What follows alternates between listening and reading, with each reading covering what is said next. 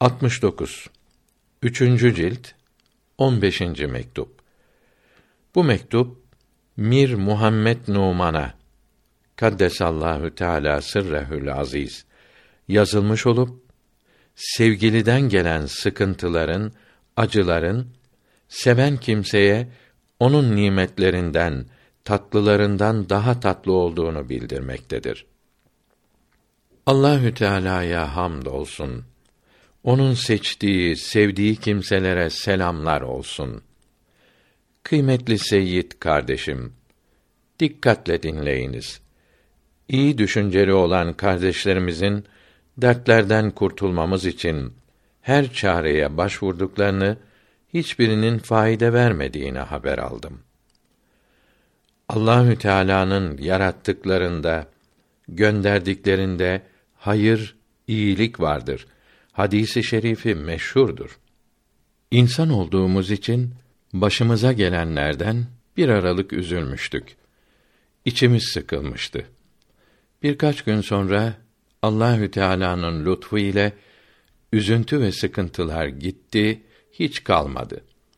Onların yerine sevinç, genişlik geldi ki bizimle uğraşanlar Allahü Teala'nın istediğini istemekte ve yapmaktadırlar. Böyle olunca sıkılmanın, üzülmenin yersiz olduğu Allahü Teala'yı seviyorum diyenin böyle olmaması gerektiği anlaşıldı. Çünkü sevene sevgilinin gönderdiği acıların da ondan gelen iyilikler gibi sevgili ve tatlı olması lazımdır. Sevgilinin iyilikleri tatlı geldiği gibi onun acıtması da tatlı gelmelidir. Hatta ondan gelen acılarda tatlılardan daha çok lezzet bulmalıdır. Çünkü acılar, sıkıntılar nefse tatlı gelmez. Nefis böyle şeyleri istemez. Her bakımdan güzel olan, her şeyi güzel olan Allahü Teala bir kulunu incitmek dileyince onun iradesi, isteği bu kula elbette güzel gelmelidir. Daha doğrusu bundan zevk almalıdır. Bizimle uğraşanların diledikleri, istedikleri Allahü Teala'nın dilediğine uygun olduğu için ve bunların dilekleri o sevgilinin dilediğini gösterdiği için bunların diledikleri ve yaptıkları da elbette güzeldir ve tatlı gelmektedir. Sevgilinin işini gösteren bir kimsenin işi de sevene sevgilinin işi gibi sevimli ve tatlı gelir. Bunun için bu kimse de sevene sevgili olur. Şaşılacak şeydir ki bu kimsenin vereceği acılar, sıkıntılar ne kadar çok olursa sevenin gözüne o kadar çok tatlı görünür. Çünkü onun verdiği sıkıntılar sevgilinin düşman gibi olduğunu göstermektedir. Bu yolda aklı gidenlerin işlerine akıl ermez. Demek ki o kimseye karşılık yapmak, onu kötü bilmek, sevgiliyi sevmeye uymaz. Çünkü o kimse sevgilinin işlerini gösteren bir ayna gibidir. Bizimle uğraşanlar, incitenler başkalarından daha sevimli görünüyorlar. Kardeşlerimize, dostlarımıza söyleyiniz. Bizim için üzülmesinler, sıkılmasınlar. Bizi incitenleri kötü bilmesinler. Onlara kötülük yapmasınlar. Bunların yaptıklarına sevinseler yeridir. Evet, dua etmekle emrolunduk. Allahü Teala dua edenleri ona boyun bükenleri ve yalvaranları, sızlayanları sever. Böyle yapmak ona tatlı gelir. Belaların, sıkıntıların gitmesi için dua ediniz. Af ve afiyet için yalvarınız. O kimsenin incitmesi sevgiliyi düşman gibi göstermektedir dedim. Evet, çünkü sevgilinin düşmanlığı düşmanlar içindir. Dostlarına düşmanlığı görünüştedir. Bu ise merhametini, acımasını bildirmektedir.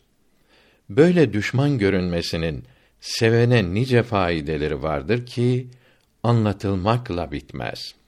Bundan başka dostlarına düşmanlık gibi görünen işler yapması, bunlara inanmayanları harap etmekte, onların belalarına sebep olmaktadır.